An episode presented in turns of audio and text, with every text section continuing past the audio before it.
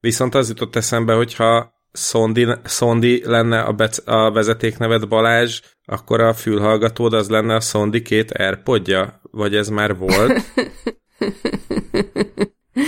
Lehet, hogy még nem volt. Úgyhogy akkor most már van.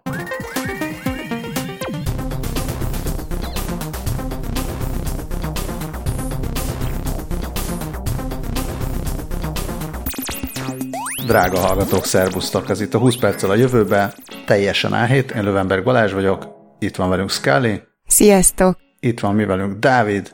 Hello! Nincs velünk az Ingenuity nevű kis helikopter, mert ő a Marson De ennek van. örülünk. Igen, és ott, és ott mit csinál? És mit csinál? Hát mit csináljon egy helikopter? Hát repül. Csak nem repül. Képzeljétek el, repült. Párszor el kellett halasztani az ő repülését. A NASA oldalán jól el is lehet olvasni, hogy miért. A összefoglalója ennek nagyjából az, hogy ugye hát viszonylag nehéz távirányítani a Marsa, Marson lévő dolgokat, tekintettel a némi kis, hát ez nem, nem is időeltolódás, hanem nem tudom mi, relativitás elmélet, szóval, hogy a, nem ér oda a parancs csak lassan, és akkor ezért a Ingenuity nevű kis helikopterke, ő előre beprogramozott program szerint repülne, és ezzel a programmal volt némi kis probléma, ugye hát szoftverrel van ilyen, minden jól működött két évig, utána most, hogy már odaértek, meg leszálltak, valami, valami baj volt a, a, az repülés előtti mindenféle ellenőrzéssel, és hát gondolom, hogy azért minél kevesebbet akarnak itt kockáztatni, mert hogyha véletlenül az felborul, aztán nem tud felkelni, akkor, akkor mehet az egész a levesbe.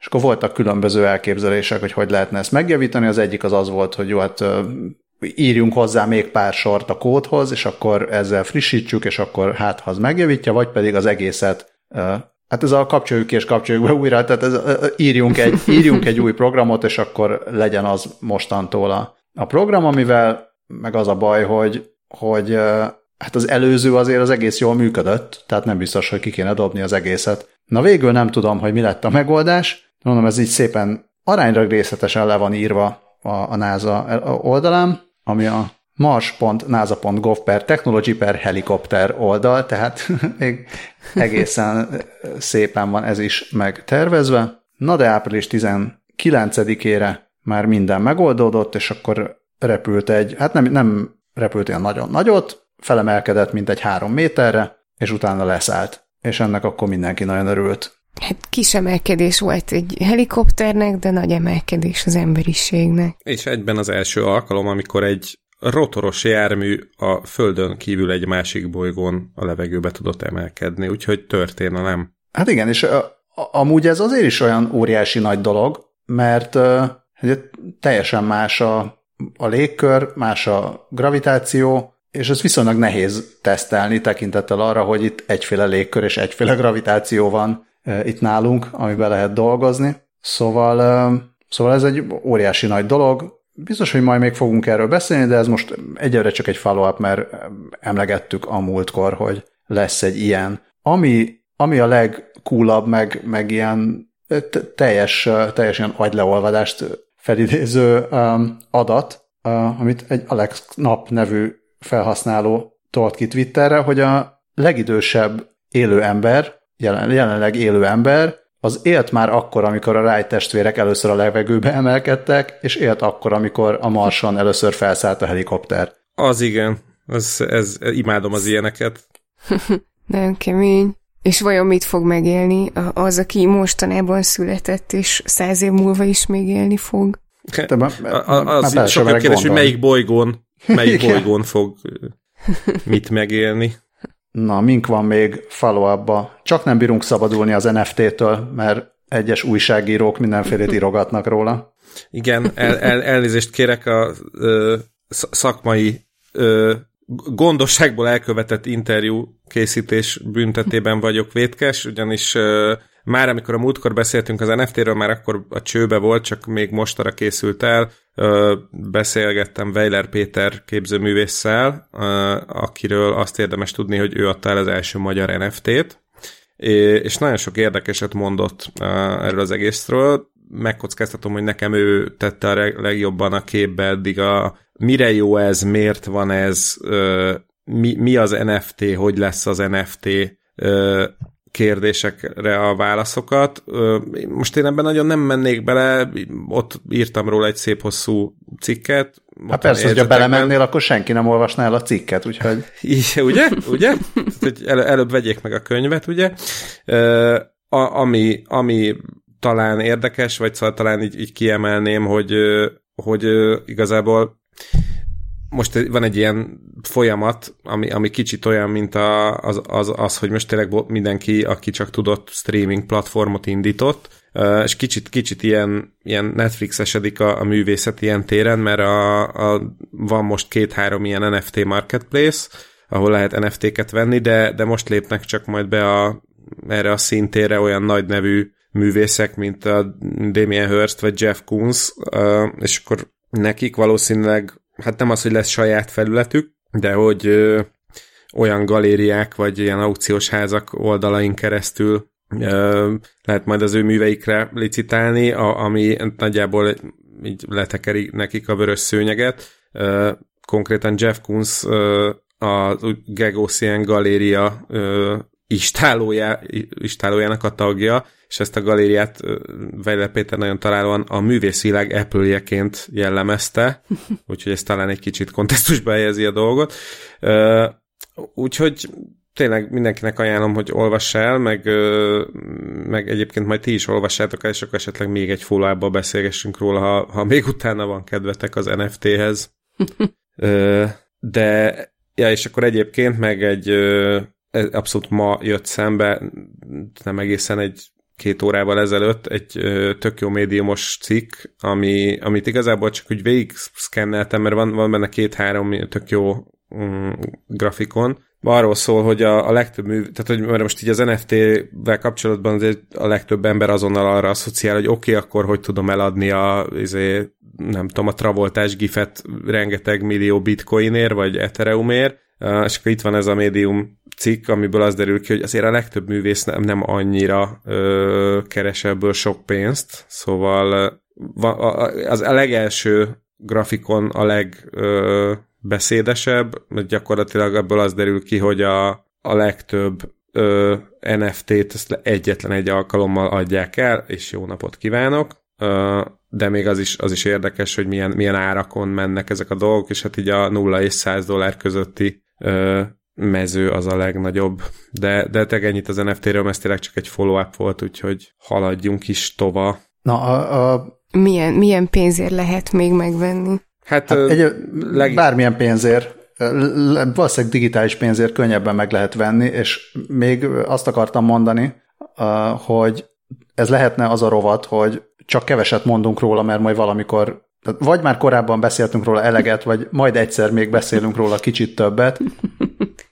Szóval az Egyesült Királyság tervezi, hogy esetleg bevezetne ő is valamiféle digitális fizetőeszközt, amit nagyon jó érzékel Britcoinnak neveztek el egyelőre így, hogy, így, hogy még nincs.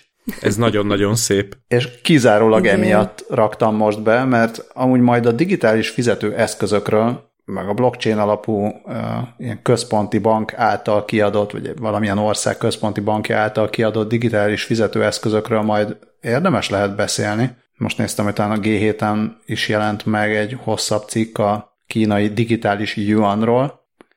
Hát e, ennyire még nem tartanak, tehát ennyire még, még azért úgy nem haladtak előre a britek. Azt hiszem, hogy egyelőre még csak a, a szabályozási kérdésekről javasolnak vitát kezdeni. Szóval ez olyan nagyon nulladik vagy mínusz egyedik lépés, majd beszélgetnek az érintettekkel, vagy vitáznak, de a, a név mellett nem bírtunk elmenni szó nélkül, úgyhogy gondolkodjunk majd a britcoinon, esetleg az, hogy különböző más országok valutájából milyen szóvicces digitális valutát lehet képezni, jöhetnek a, És hogyha jöhetnek a javaslatok. A név mellett, és ha név mellett nem tudtunk elmenni szó nélkül, akkor ne tudjunk már elmenni szó nélkül a jelenlegi brit pénzügyminiszter Rishi Sunak neve mellett sem, mert ő javasolt egyébként a britcoint, vagy legalábbis ő twittelte ki.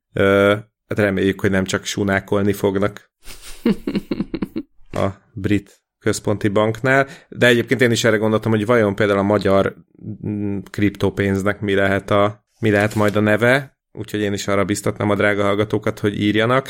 Nekem eddig a peták jutott eszembe, kizárólag azért, mert akkor petákbájtban lehet mérni a, az adatmennyiséget, amit ezek az érmék hát, elfoglalnak, vagy az, igen. Hát ez mind nagyon jól hangzik. Ugye? Ugye? És hát ha sok pénz van, az még jobban hangzik, és ezzel gyorsan átevezünk a podcast rovatba, ugyanis szó szerint egy kiváló kutatási anyag, anyag jött velem szembe. A számomra kevés ismert ari.com, a r i y h.com oldalon, de ez mit sem volna az értékéből. A lényeg az, hogy a University of Southern California egyik ö, kutatója osztotta meg a kutatásait a ARI stábjával, és az derült ki, hogy a jó minőségű audio azt eredményezi, hogy a beszélő okosabbnak hangzik, minél, minél jobb minőségű hangban hallják az, az ő hangját. Egészen konkrétan egy fizikust hallgattattak meg a, a kísérleti alanyokkal, és azért ki, hogy amikor jobb, tehát amikor jobb minőségű, azok, akik jobb minőségű felvételt hallottak a hangjáról, azok több mint 19%-kal ö, jobbra értékelték a, a hallottakat, és ö, okosabbnak és szerethetőbbnek is ö, tartották a, a beszélő embert, mint azok, akik a kontrollcsoportként a lebutított minőségű hangot hallgatták. És azon gondolkodtam, hogy, hogy ugye mi, amikor itt egymással beszélünk, akkor rosszabb minőségben halljuk egymást, mivel használjuk a számítógép audióját, de utána a podcastot meghallgathatnánk jobb minőségbe is, amit már mikrofonnal vettünk fel. Tehát simán lehet, hogy, hogy kevesebbet gondolunk egymásról, mint hogyha hallgatnánk a podcastot, és akkor hallanánk saját magunkat, meg egymást. Én pont ezt akartam mondani, hogy én anélkül is tudom rólatok, hogy okosak vagytok, hogy hallgatnám a podcastot. Na tessék, Tehát lehet, hogy a csend az még, még pozitívabb hatással van arra, hogy mit gondolunk másokról. Egyébként Norbert Schwarznak úgy hívják ugye ezt a kutatót, és érdemes esetleg elmélyedni a munkásságában, mert, mert nagyon, tök jó pofa vizsgálatokat végez, például azt megállapította, ugye angolul a valami bűzlik, azt, arra azt mondják, hogy something's fishy, hogyha valami nem oké, okay. és, és Norbert Schwarz megvizsgálta, hogyha, hogyha halszagot érzünk, ami lehet halolaj, vagy halszósz, vagy bármi, akkor konkrétan gyanakóbbak lesznek az emberek, és kevésbé bíznak másokban. e, és ez valószínű, igen, ez valószínűleg az angol nyelvterületre vonatkozik, pont emiatt a metafora miatt, mert annyira be van ez égve a, az emberek agyába, és konkrétan letesztelte, hogy ez tényleg csak akkor történik, amikor halszagot éreznek az emberek, más kellemetlen szagoknál, például szagnál, mert hát így az Arion ezt megjegyzik, hogy igen, ő valóban letesztelte ezt, tehát akkor nem jelentkezik a gyanakvás csak a halszagnál. Jó, de én nem tudom, hogy ti hogy vagytok vele, vagy ezt így milyen körülmények között folytatták ezt a kísérletet, de hát, most, büdös. ahogy itt így mondjuk ü- ülök, de lehet, hogy most, most, ahogy itt így most ülök a, az íróasztalomnál, hogyha elkezdenék halszagot érezni, én is elkezdenék gyanakodni azon, hogy vajon, vajon mi történt is, honnan jöhet ez. De hogyha mindeközben kiváló minőségű audiót hallgatnál, akkor a kettő kiegyenlíteni egymást. Ja, de nem, tehát a, a, az is lehet, hogy, hogy akkor gyanakvó lennék, de okosnak tartanám azt, aki beszél. És gyan- gyanakodnék, hogy a macska csinált valamit, hiszen olyan okos. E- ezt akartam mondani, hogy, és gondolom, hogy a macskára gyanakodnál, hogy esetleg kinyitott egy halkonzervet titokban. Igen, például. Na mit akarunk még itt a podcast rovatban? Én gondolkodtam, hogy a podcast rovatot tegyem a végére, vagy pedig az elejére, mert hogy Dávid rovatoltál zseniálisan a hírekből, arra gondoltam, hogy átbeszéljünk így nagyjából csak minket érintő témáról a végén, de aztán gondoltam, hogy legyünk túl rajta az elején, én is, a, a én podcast is belterjel, és aztán utána... Mi, mi az, hogy csak minket érintő témák? A halszag és a finkszag mindenkit érint. mind, mindenki érezheti ilyeneket. Ja nem, mert azzal a kommentel került be a, a ez a jó hang, mi az, a jó audio az egyenlő, többet gondolunk a beszélőről, hogy drága hallgatók, küldjetek nekünk Patreonon pénzt, hogy jobb mikrofonokat tudjunk venni, és jobb legyen az audio, és akkor okosabbnak tűnjünk. De aztán ezt ügyesen elkerültétek, míg aztán én azért beraktam, hogy... Ne, igen, ja, én is... Én... Mondjad, mondjad. Ja, csak azon gondolkozom, hogy vajon mennyibe kerülne egy olyan cucc, amitől úgy tűnik, mint hogyha értenénk a kvantum számítógépeket. Hát mi az órabére egy kvantumügyi projektmenedzser főelőadónak? Főelőadónak, igen. Nem tudom, te mit akartál mondani? Um, ja, hogy én is úgy voltam vele, hogy a, a, a, legyen az elején a, a podcast rovat, mert a végén, végén majd már ott, ott, ott a, a kedves cuki színes hírekre lesz szükség, amikor már majd belefáradunk a rengeteg digitális apokalipszisbe és parába. Apropó, mi a legkevésbé De... cuki entitás, amit csak ki tudunk most találni, így hirtelen. Ó, de szép. Legkevésbé cuki. Igen, hát természetesen a Várj, most entitás, akkor hát végül is a, igen, neve, nevezzük nevén a Facebookot, és akkor ugye már érthető, hogy Balázs miért, miért, miért használta pont ezt a szót, mert ugye a következő hírt azt én azzal dobtam be, hogy és azután, hogy a drága hallgatók küldtek pénzt, hogy legyen okosabb hangunk, utána meghallgassanak sok-sok podcastot, mert az bizony nem tetszik a Zuckerbergnek.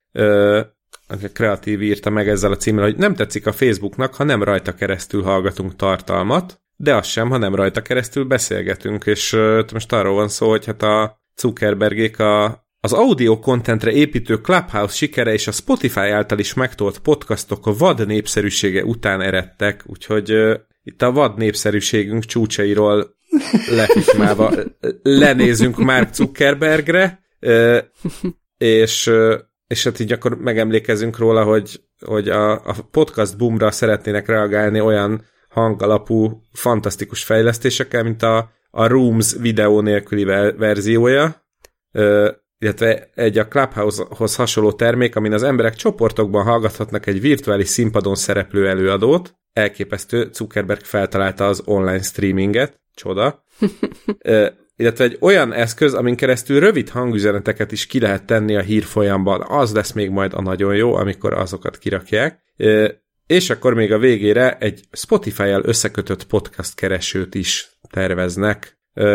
A, ezt erről a Vox értesült, és azt írja a kreatív, hogy még nem világos, hogy ezek a szolgáltatások milyen sorrendben fognak megjelenni.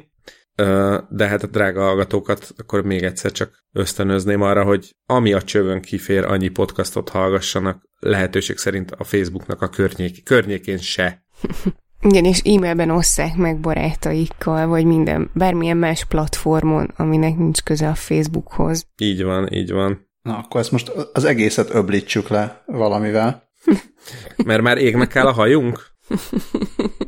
Hát akkor következik a neurális hajháló nevű rovatunk. A rovat nevér Scalit illeti a pacsi és a respekt. Mégpedig egy, valóban egy neurális hálóval kezdünk, nem is akármilyennel, a, az OpenAI Jukebox uh, szot megfogták, uh, ami különféle zenéket lehet generálni, és hát így betáplálták neki a, az Aqua együttes méltán népszerű 1993-as világslágerét, a Barbie Girl-t, és addig, addig csócsálta az AI Jukebox, amíg ki nem jött a jegyzetekben is linkelt végeredmény, ami hát ugye volt a Google-nek a a, hogy hívták ezt a Deep, Deep Dream? Úgy hívták a képgeneráló cuccot? A Deep Dream az, az ilyen izé, LSD-s macskákat, meg ilyen hasonlókat Aha. generált, nem? Meg ilyen nem létező na, állatokat. Igen, igen, igen, igen. Na, arra gondoltam, na és az OpenAI az körülbelül ennek a, az ilyen, az audio ekvivalensét állította elő, én belehallgattam, és így ahogy, ahogy haladunk előre, úgy lesz egyre, egyre zavaróbb, meg egyre nyomasztóbb a, a sláger, de ami a, a legjobb az, a, az, hogy a jukebox szépen megrágta a dalszöveget is, és generált hozzá ö, új, új szöveget is, ami úgy nagyjából próbál passzolni a ritmusra is, és akkor így, ebben ilyen egészen varázslatos sorok ö, szerepelnek, például az, hogy you can bite my hair.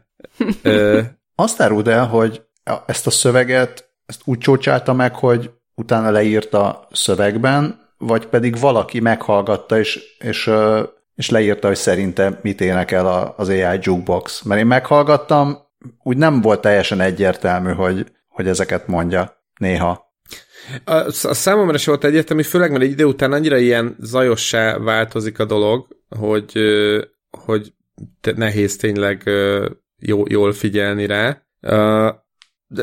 Én azt hiszem, hogy ha jól értem, akkor igazából azt tudja a, az OpenAI Jukebox, vagy, vagy azt is tudja, hogy, hogy mutatsz neki egy dalt, és akkor azt elkezdi folytatni, és, és így folyamatosan generálja, generál, generál új dalt a, a, a, a kiinduló alapból, és akkor lehet, hogy, hogy ebből lett a szövegváltozat is. Tehát azt, ne, azt, nem tudjuk, elkezdte... hogy, azt nem tudjuk, hogy a szöveget generálja, és, és géphangon énekli hozzá, vagy pedig a szöveg is egy ilyen generált hang. Na, na ezt megpróbálom értelmesebben elmondani. Tehát, hogy, hogy ugye megkapja, a, megkapja az eredeti dalt, vagy az eredeti dalból ez esetben 18 másodpercet, és akkor ez alapján nyomja vissza azt, amit, amit utána kapunk, tehát ez alapján generálja az új dalt, vagy pedig, igen. vagy pedig a szöveget is megkapja, és akkor a szöveget is generálja, és a szöveget aztán egy ilyen text-to-speech-el felénekli. Valószínűleg nem.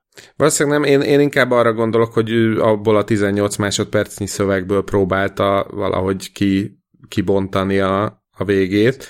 Közben tekerem itt le az OpenAI-nak a YouTube videóján alatt a, a kommenteket, hogy hát ha, hát ha kiderül valami, de, de nem, sajnos. Meg az kicsit olyan, mint a bad lip reading, nem? Hogy amit ide leírtak, leírtak a Boing Boing cikkébe, ami tényleg egészen szórakoztató.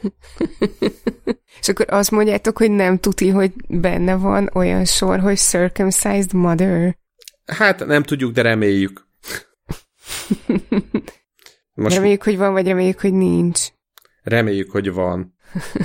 Én közben már egyre mélyebbre merülök az OpenAI weboldalán, és fantasztikus dolgokat találok, de sajnos a választ erre nem lelem, úgyhogy de ez mennyire durva, hogy évtizedeken keresztül mindenféle tudatmódosító szereket folyt, fogyasztottak a zenészek, és úgy írtak mindenféle különleges remekműveket, és akkor erre kiderül, hogy nem is kell hozzá semmiféle tudatmódosítás, elég egy OpenAI jukebox. Hát igen, senki nem mondta, hogy az kell, mármint hogy a tudatmódosítás, kinek, kinek igénye Persze. szerint, ugye? Ja, bocs, igen. Aztán Gondolod, hogy 93-ban az Aqua együttes tagjai teljesen straight, straight edge írták ezeket a számokat? Nagyon, nagyon úgy tűntek, igen. Hajhaj. Miért volt, miért is az a címe, hogy neurális hajháló? Ennek az egésznek? Hát, mert ugye szerepelt egyszer a, a Barbie Girl újra generált szövegében a You Can Eat My Hair című vagy sor, és akkor emellé még van egy, van egy kis ö, hajápolási, vagyis ha, haj technológiai Hajtek. cukiságunk. Ha, na, abszolút, abszolút a leghajabb tech. Uh, már én, bár én lennék akkora high hogy nem zárom be a böngésző fület pont, amikor szükség lenne rá. Uh, szóval egy barcelonai fodrász, bizonyos Alexis Ferrer uh, fejlesztett ki egy uh, olyan technológiát, ami lehetővé teszi, hogy, uh, hogy emberi hajra különféle mintákat lehessen nyomtatni. Uh, gyakorlatilag akár fotót is, és akkor van itt egy, egy kép, egy uh, szőkehajú nőről, akinek a hajára ilyen madaras, virágos minták vannak nyomtatva, és uh, szerintem ne, nem én vagyok az egyetlen, aki erről a hírről a, az ötödik elem vonatkozó jelenetére asszociált, amikor a Lilu kisminkeli magát a, azzal a sminkelőgéppel, amiben csak bele kell nézni. Na most ennél ez egy icipicit bonyolultabb, de, de alapvetően ez, tényleg ez már ilyen, ilyen a szépségápolás abszolút jövője, nagyon látványos képekkel. A szívemre teszem a kezem, hogy azért ezek elég speckó minták, meg, meg elég speckó hajakon van ez előadva, abból is szőkén, úgyhogy egyelőre azt nem tudom elképzelni, hogy, hogy más színű hajjal, meg esetleg más fazonú frizurákkal, mert ezek ilyen kicsit ilyen Kleopátra frizura-szerű hajak, amik itt szerepelnek a, a cikk, cikkben lévő hát biztos, hogy, biztos, hogy valamennyire elő kell, nem valamennyire, rettenetesen elő kell készíteni a hajat. Tehát az kell hozzá, hogy valamiféle, hát na, nem is sík felület, de, de tehát egy ilyen egységes, egységes felület legyen. Tehát szerintem Igen, a, szóval a göndör, göndör vagy hullámos hajra valószínűleg sokkal többet kéne számolni, hogy kicsit olyan lenne, mint amikor vannak ezek a street artosok, hogy bizonyos szögből nézve olyan, mint hogy a felmennél a lépcsőn, de valójában az egész csak falra van festve, tehát hogy a, az ilyen göndör meg hullámos hajnál nem, nem tudod azt kiszámolni, hogy most ez 5 centivel arrébről nézve is jól néz-e ki. Tehát valószínűleg ezért kell e, levasalni a hajat előtte, de ettől még nagyon látványosan néz ki, és gondolom híres emberek mindenféle díjátadókra majd megcsináltathatják ilyen menőn a hajukat. Igen, és közben megtaláltam Alexis Ferrer mm, ilyen showcase oldalát is, ahol, ahol hosszabb hajú emberek is vannak, és ők is ugyan mint szőkék, de, de itt már egész konkrét arcképek vannak így a, a hajukra nyomtatva. Uh, más kérdés, hogy az a virágos madaras minta azért valamivel menőbben néz ki, mert ezek a kicsit ilyen rossz körözési fotónak tűnő arcok a, a hajon, e, ezen még azért volna mit reszelni, de, de hát végre egy, egy újdonság a haj, hajápolás terén, úgyhogy én azért kíváncsian várom, hogy Alexis Ferrer hova fogja még ezt fejleszteni. Hát az biztos, és, hogy elég magas a haj IQ-ja. Ez költői volt. Ö, nekem az leges-legelső gondolatom az volt, mert nem a má- az első az az volt, hogy ez nagyon-nagyon menő, a második az, hogy ennek a csajnak nem szabad beletúrnia a hajába, mert így egyszer megigazítja, hogy jaj, most a szemem belóg, és onnantól kezdve akkor így minden elcsúszik a helyéről, tehát hogy beletúrni se szabad, meg valószínűleg nagyon kell fixálni is, hogy a szél ne kapjon bele, vagy ilyesmi. Igen. De, és az egésztől megáll az ész. Ja, igen. De azt csak azt akartam mondani, de hogyha majd nem szőke és nem egyenes hajon is ö, lehet használni ezt a technológiát, akkor ezúton jelentkezem tesztelésre nagyon szívesen. A, ami technológiát még nem tudunk, hogy milyen, mert azt nem árulta el, hogy ez pontosan hogy történik, meg mi van mögötte, csak hogy igen, csak hogy két, 2012 óta dolgozott ezen, úgyhogy biztos A Vella megbízásában dől, dől a, dől a vella. Szóval úgy, hogy mivel nem tudjuk a technológiát, ezért még nem tudjuk, hogy Dávid hogyan rontaná el, mint emberi EMP, de biztosan megoldaná. Hát igen, de ha már itt azt mondtad, hogy megáll az ész, az valószínűleg egy sokkal jobb leírás annak, hogy milyen hatással lennék a, arra a rendszerre, aminek a segítségével nemrég a világon először vezeték nélkül küldtek parancsot valakinek az agyából egy számítógépbe. Ó, oh, wow. Mi volt a parancs? Windows leáll. Nem, a Brown University kutatóinak sikerült ö, egy teljes neuronnyi felbontásban teljes sávszélességben továbbítani a, a jeleket. Tehát magyarul, ha jól értem, akkor ez azt jelenti, hogy egy konkrét neuronnak a, a teljes elektronikus jel állományát sikerült ö, vezeték nélküli technológiával az agyból egy külső számítógépre továbbítani. BrainGate-nek hívják ezt a technológiát, és egy picike ilyen jeladó ról van szó, amit a, az agy motoros kérgébe ültetnek be, és olyan paralízises pácienseken próbálták ki ezt a, az eszközt, akiknek egy, egy táblagépet kellett vezérelni a, az agyuk, kizárólag az agyukkal, és azt írja az Independent, hogy sikerült az alanyoknak körülbelül azonos sebességgel gépelniük, és ja nem, nem bocsánat, tehát hogy, hogy gépelniük is sikerült, és, és így ilyen point and click akciókat is végrehajtani, majdnem ugyanolyan sebességgel, mint hogyha egy, egy rendes fizikai gépet használtak volna, ami azért egy elég komoly fegyvertény szerintem és a John Simmerel, a Brown University villamosmérnöki karának a, mm, az adjunktusa. Annyit mondott, hogy sikerült demonstrálni, hogy a vezeték nélküli rendszer tökéletesen megfelel, vagy mm, helyettesítheti az eddig használt szabványnak, vagy ilyen alapnak vett vezetékes hasonló megoldásokat, és hogy a jeleket meg teljes teljes pontossággal sikerült továbbítaniuk. Úgyhogy ez egy abszolút pozitív fejlemény, mert mostantól a paralízises vagy más páciensek, akiknek hasonló eszközre van szüksége, nem, nem kell, hogy oda legyenek drótozva egy, egy, egy fix helyre, hanem, hanem lehet sokkal szabadabban ö, élniük. És akinek erről azonnal a Neuralink ugrik be, az igazából jó helyen keresgél, meg majd mi is beszélünk egy kicsit a Neuralinkről még. Én azt kezdtem el nézni, hogy ez vajon miben különbözik attól, amit a Neuralink akar. Tehát, hogy uh-huh. itt, mhm. is van, itt is van valami az emberek fején, és egyelőre annál többet nem tudtam meg, hogy ez egy nagyjából egy ilyen másfél uncia, tehát mennyi egy ilyen 40-45-50 grammos szerkezet, ami a páciens vagy az illető fején van.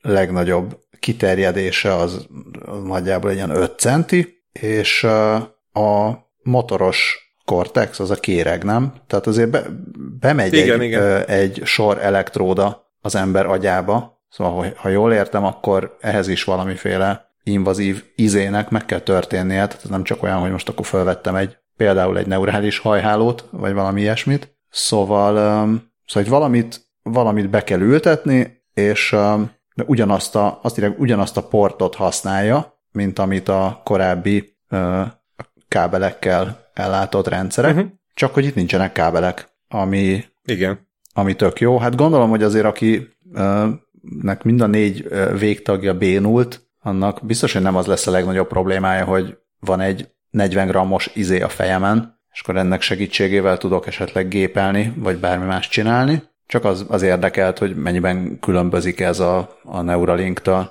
Uh-huh. Hát igen, ezt azt jó lenne erről pontosabbat tudni. Szerintem azért, azért a számít, hogy nem, tehát olyan szinten számíthat, hogy most van drót vagy nincs drót, hogy, hogy mondjuk ott az ágy körüli elrendezésnél ott figyelni kell még egy külön kábelkötegre, ami ott jön, megy, vagy, vagy legalább az annyival is kevesebb van. Ja, hát persze, nem, tehát nem is nem ilyen lekicsinyítésből ja, vagy ilyesmiből, hanem csak jön a Neuralinknek, tehát amögött a hat, hatalmas média gépezet áll, tehát sokkal többet hallunk róla, és kevesebbet arról, hogy azért mások is foglalkoznak ezzel. Pedig milyen vicces név ez a Brain Gate, nektek nem jutott eszetekbe róla, hogy olyan, mint hogyha valami botrány lenne az agya kapcsolatban? Valakiről kiderült, hogy van agya.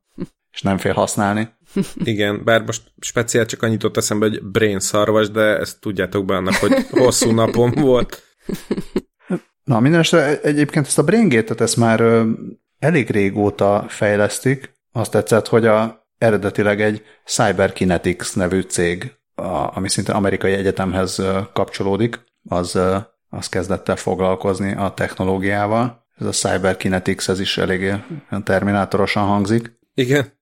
Na, úgyhogy lehet, hogy erről majd, ha még hallunk, akkor még beszámolunk, hogy merre tart a BrainGate. Minden esetre azt tudjuk, hogy merre tart a Neuralink, hát egy, ott tart, hogy egy majom játszott pongot a Neuralinkkel, ami tehát értem én, hogy nagyon fontos az, hogy a bénult emberek képesek legyenek gépelni, de mennyire cuki már, amikor a majom játszik pongot. Úgyhogy természetesen erről ők... sokkal több helyen olvashattunk.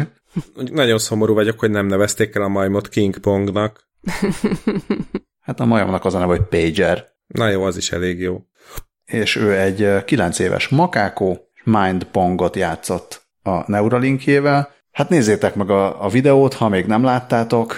Um, a Neuralink az az Elon Musk uh, egyik cége által fejlesztett, hogy számítógép interfész szintén vezeték nélkül uh, működik, és, és hát az a cél, hogy minimális beavatkozással, meg minimális kényelmetlenséggel, ugye első körben azt mondja azt mondják, hogy, hogy az a cél, hogy a, az emberek, akik valami, valami miatt úgy, úgy bénultak, hogy, hogy ez a, az agy, tehát valamiféle ilyen idegrendszeri ok miatt, tehát nem, nem tudsz, hogy kifejezni, nem fizikailag képtelenek, tehát hogy van, adott esetben van kezük, lábuk, egyebük, csak, csak valamilyen sérülés miatt nem, nem tudják ezeket mozgatni, azok is képesek legyenek erre, és akkor ezt megpróbálják ilyen, vagy, vagy képesek legyenek ugye az agyukkal jeleket küldözgetni a, a világba, hogy erre, erre lenne jó majd egyszer, vagy első lépésként a Neuralink. És láttuk azt, hogy a, a legutóbb, amikor beszéltünk róla, akkor az volt, hogy disznó agyába ültették be a, a kis Neuralink eszközt, és akkor a, a, azt láttuk, hogy érzékelte a gép, amikor a, amikor a disznó hozzáért valamihez az orrával. Azt nagyjából ez volt. Ugye, hogy, hogy lehetett látni, hogy meg, meg ennek a, az úgynevezett sávszélességét tudtuk követni. Tehát azt lehetett látni, hogy míg mondjuk ez a BrainGate, ez ugye ilyen egy, egy neuronos átvitelt biztosított, itt a, a disznóknál ez, ez már ilyen több száz volt, vagy, vala, vagy talán több ezer. Most valós időben keresem, hogy, hogy mennyi volt az. Nem emlékeztek véletlenül? Nem, sajnos. Nem, nem, én csak, én csak arra emlékszem, hogy a, azt is külön demonstrálták, hogy a, disz, hogy a disznó azután is jól volt, hogy kivették az agyából a Neuralinket. Igen. Annyira vicces. Ez már úgyis kifogod. Nem, megvan, figyelj, megvan. Nem? ezer, ezer neuron. Gertrud. Gertrud már ezer neuron tudott, vagy mi az, ilyen ezer, ezer neuronos aktivitást tudtak monitorozni 3000 elektródával. Szóval, szóval az biztos, hogy sávszélességben egyelőre talán, talán ez vezet. Na, és a most áprilisban közzétett videón pedig azt láttuk, hogy ott van Pager a makákó, előtte egy képernyő, előtte egy szívószál, és előtte egy joystick. És hát már korábban is valószínűleg ő tudta, hogy hogy kell játszani. Eleinte, ja nem, a pongot azt ismerte korábban, de a, az, amivel az agyát így trénelték, vagy edzették, vagy rávezették a, az agyát arra, hogy, hogy, a, a, vagy nem is az ő agyát, hanem a Neuralinket, vagy ezt a beültetett eszközt, arra, hogy mit kell csinálni, az egy olyan játék volt, hogy van egy ilyen narancssárga négyzet a képernyőn, aminek a helye mindig változik, hogy hol van a képernyőn, és egy pong labdát, tehát egy ilyen kisebb fehér négyzetet a joystickkel el tud juttatni a, ebbe a narancssárga négyzetbe. És ugye ahogy változik a helye a narancssárga négyzetnek, úgy így mindig máshova kell vinni a, a kis fehér négyzetet. És amikor eltalálta, vagy sikerült bevinnie a megfelelő helyre a kis pong labdát, akkor, akkor kapott valami finomat a szívószálon keresztül. Azt hiszem banán smoothie-t.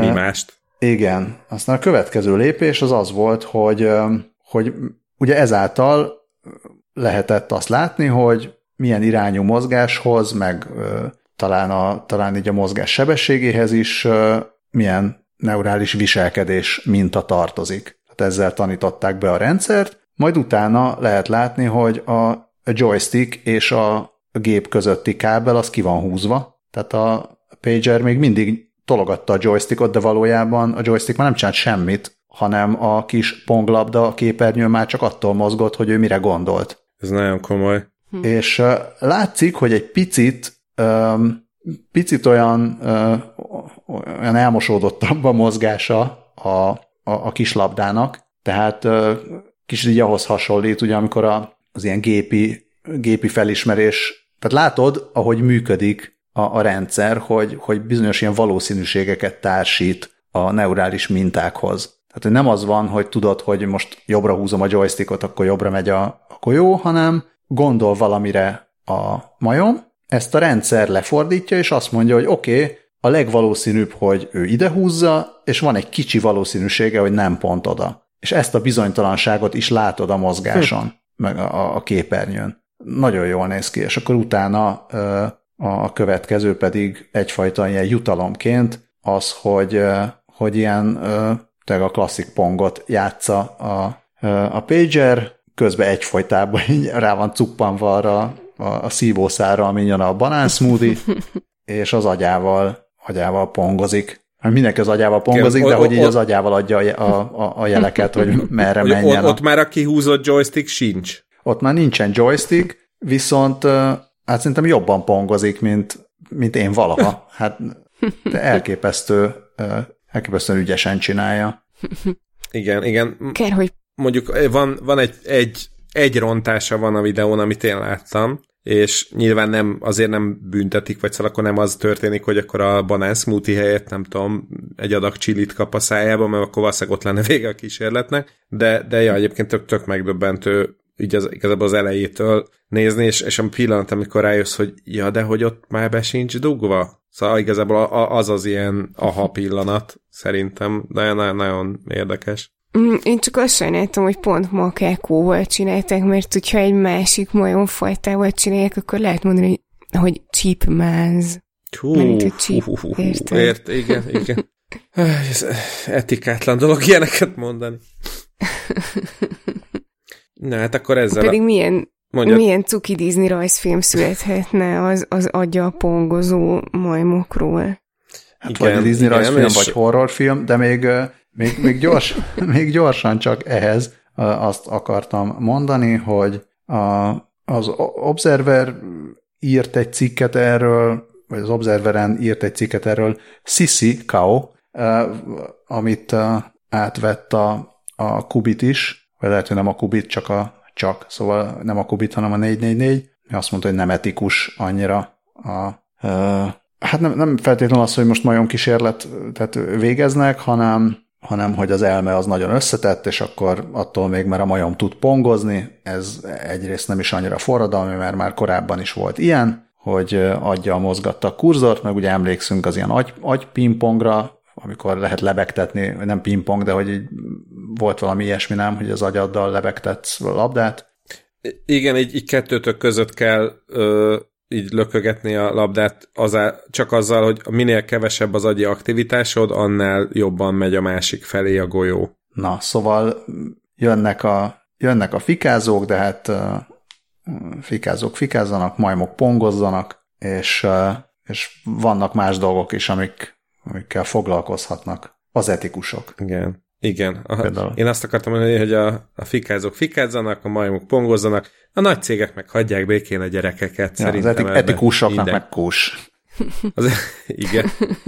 Igen, úgyhogy akkor ezzel lépünk át az etikai nevű rovatunkba, és hát azért említettem itt a nagy cégeket, mert egy szerintem legalább annyira rendhagyó bírósági, vagy hát ilyen jogi megállapodás történt, mint, ami, mint amilyen fontos a, a helikopter a Marson. Uh, egész pontosan a Disney, a Viacom és 10 uh, ilyen reklámmal foglalkozó technológiai cég megállapodást kötöttek, hogy bizonyos reklám szoftvereket kivesznek a gyerekeknek szánt appjaikból. Uh, igaz, hogy tehát ehhez kellett egy ilyen komolyabb ilyen ne, nem tudom, hogy hívják az ilyen csoportos pert magyarul, egy ilyen class action per, ami, amiben azzal vádolták őket, hogy több millió gyereknek a, a privacy-ét sértették meg.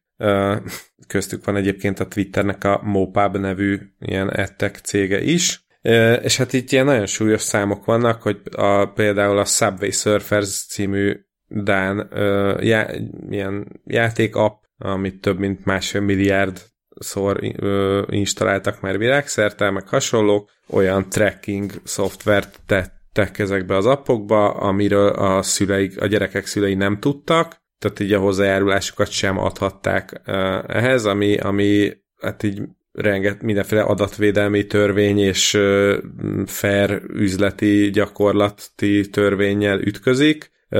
Ezekkel a trackerekkel egyébként finoman lehetett akár appokon keresztül is profilozni a gyerekeket, hirdetéseket targetálni rájuk, és sőt, még izét is ilyen in-app purchase vásárlásokra is lehetett őket búzdítani, konkrétan ilyen push üzeneteket lehetett nekik küldeni, ami, ami egészen felháborító, és most viszont a, egy kaliforniai bíróságon megszületett ez a megállapodás, és akkor ezeknek az érintett cégeknek vagy el kell távolítani, vagy ki kell kapcsolni a track, tracking szoftvereket azokba, azokban a az appokban, ahol a gyerekek találkozhatnak a hirdetéseikkel, annyi engedmény van, hogy a, a fejlesztők úgynevezett kontextuális hirdetéseket az app tartalma alapján még megjeleníthetnek. És akkor azt mondta Josh Golin, a Campaign for a Commercial Free Childhood nevű non-profit, bostoni non-profitnak az igazgatója. Ugye ez egy ilyen reklámmentes gyerekkor kampányoló szervezet, hogy ez lesz a legnagyobb változás a gyerekek, gyerek appok piacán, ami a, ami a konkrét üzleti modelleket fogja fejreállítani. Azért és, annyit tegyünk hozzá, több... mielőtt még nagyon megsimogatnánk ezeket a cégeket, hogy hogy egyetlen cég sem ismerte el, hogy bármi rosszat tett volna. Hát nyilván nem. De egyébként nem is értem, meg, meg igazából nekem az, a, az ebben a fura, hogy, hogy erre ennyi idő elteltével került csak sor, tehát hogy ezt nem is értem, hogy az, az első alkalommal, amikor lebukott bármelyik ilyen app vagy, vagy cég, akkor, akkor hogy nem perelték atomjaira a feldüldött amerikai szülők, de lett is jobb későn, mint soha. Illetve hát nagyon kíváncsi lennék, hogy egyébként magyar appok, magyar gyerekeknek szánt appokban mi a helyzet ezzel, úgyhogy esetleg drága hallgatók, hogyha bárkinek van ez ügyben tapasztalata, ugyan, ugyan ossza már meg velünk. Már mire gondolsz, hogy magyar fejlesztők által készített applikációk? Hát, Mert hogy biztos, hogy, hogy nincs igen, ma... olyan gyerekeknek szánt app, vagy hát biztos nincs túl sok, ami mondjuk ilyen méretű lenne, ami hát, ezek, ezek az de... ilyen játékok. Mert jellemzően ezek az ilyen free-to-play játékok, amik ennyire mm-hmm. féreg módon igen, viselkednek. Igen, igen, csak hát így pont ezt a magyar, magyar gógyis ügyeskedést, ezt simán el tudom képzelni, hogy mm, felugrál egy kedves kis, nem tudom, maci, aki azt mondja, hogy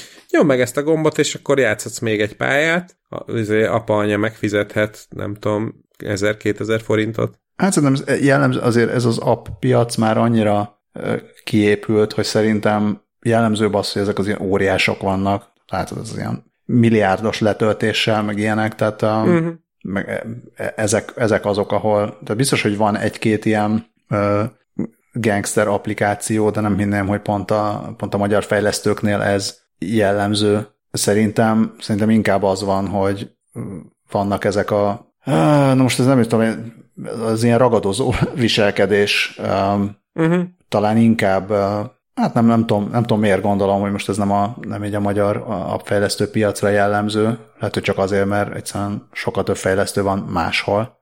De... Igen, meg, meg hogy így nehezen kerülnének be, valam, tehát nehezen kerülnének be egy app egy olyan helyre, hogy észrevegyék őket, és, és letöltsék a dolgaikat, mert annyi van. Ezt tippelem.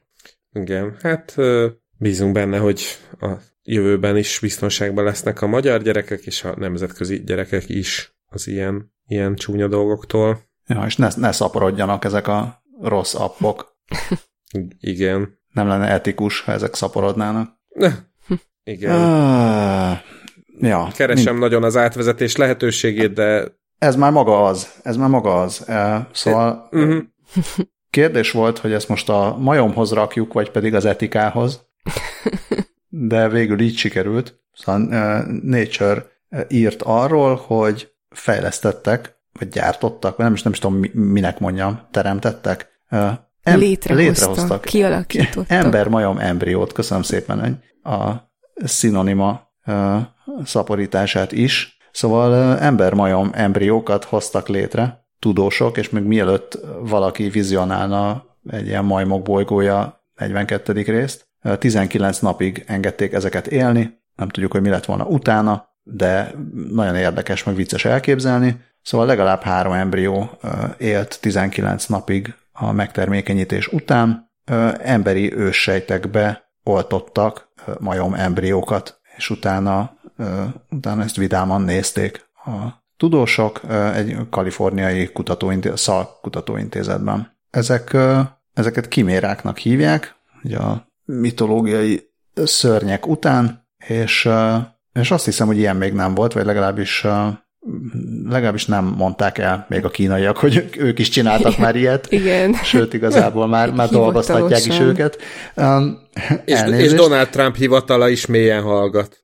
Igen, tehát um, majomembriókat már, már, már így csináltak laboratóriumban, uh, disznó embriókat is emberi sejtekkel, meg, meg tehén embriókat is emberi sejtekkel, meg patkány embriókat egérsejtekkel. De hogy miért más ez a majom, majom ember, nem a Tarzan, hanem, hanem ez.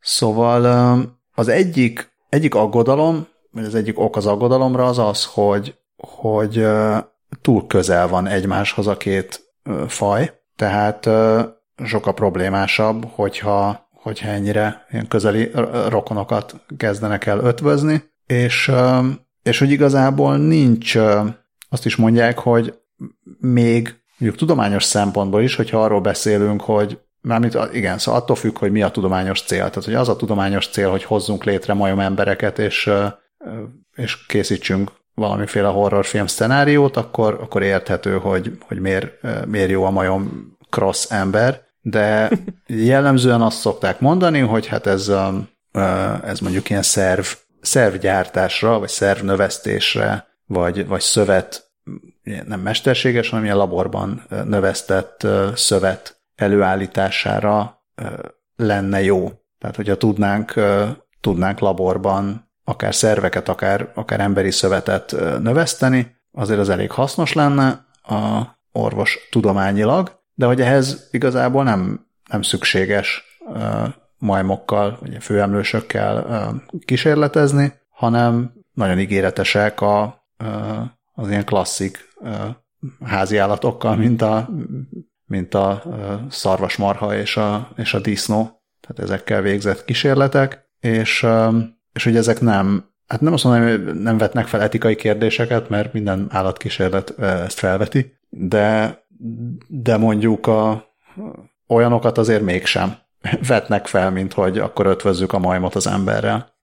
Tehát talán, talán Viszont... egy picit az, hogy messzebb vannak azok a határok. Viszont Scully leendő szerv ö, kereskedő ö, vállalkozása sokat tanulhat a mostani kutatásokból.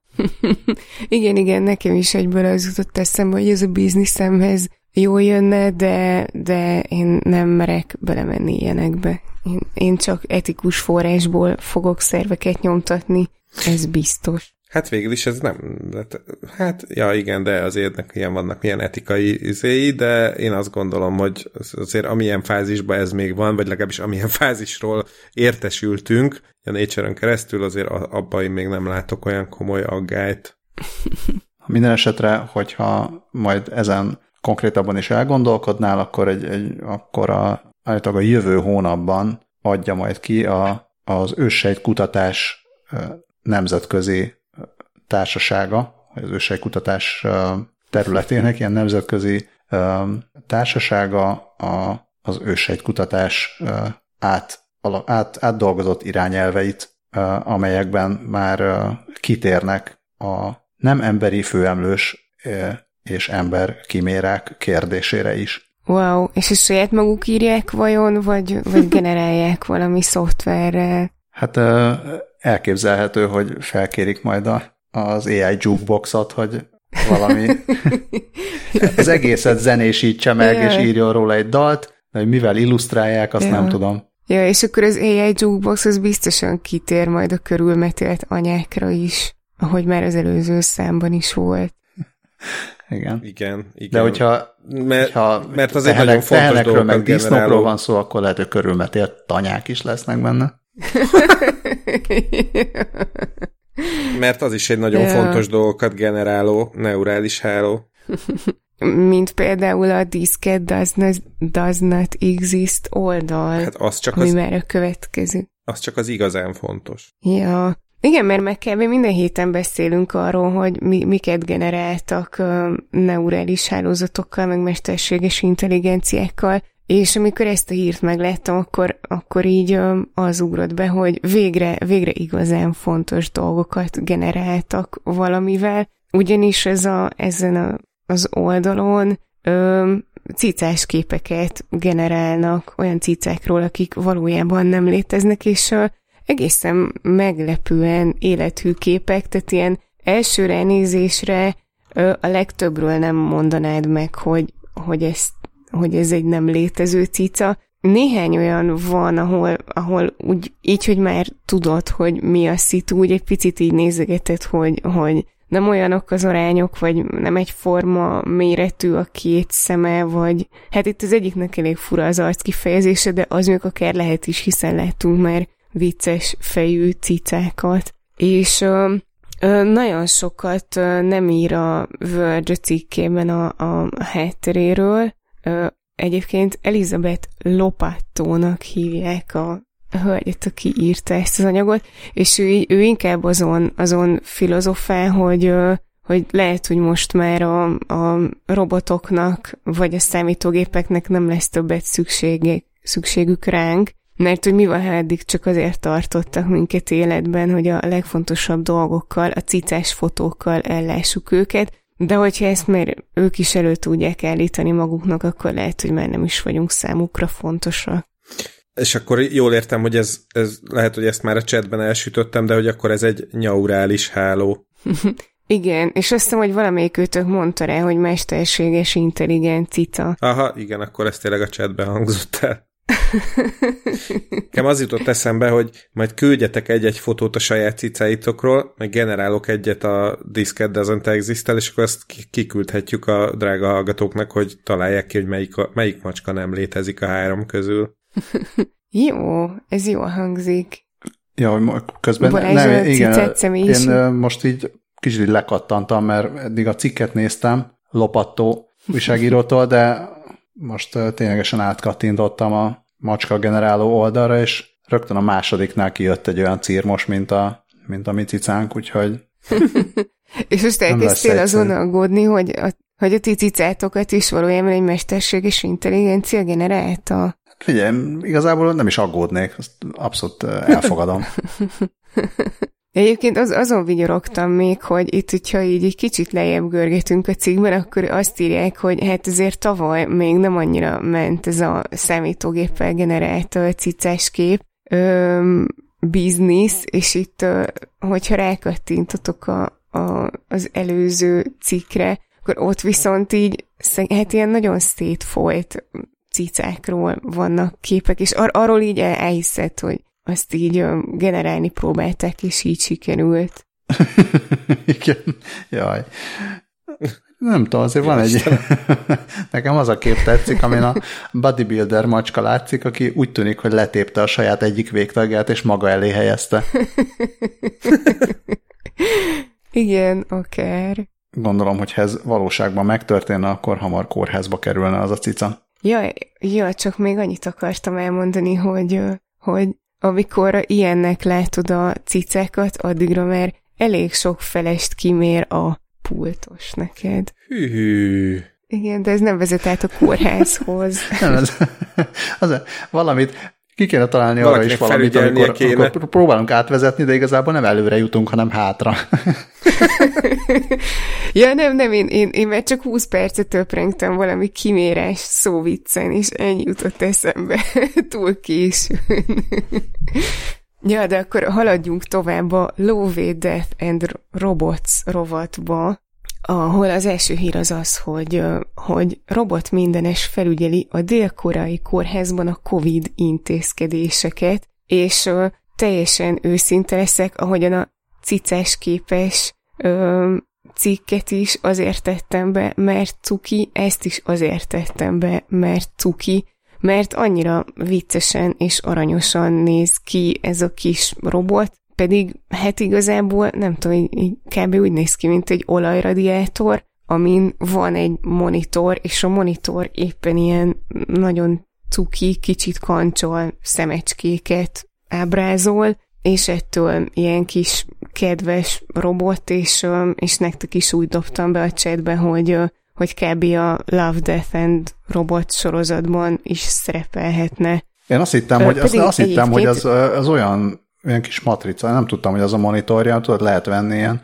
külön gülű szemet, amit hogyha tárgyakra ráraksz, akkor minden sokkal viccesebb. Igen, nekem van olyanom, és így egy időben ragaszgattam mindenfélére, de már elmúlt. De most, hogy mondod, előszedem.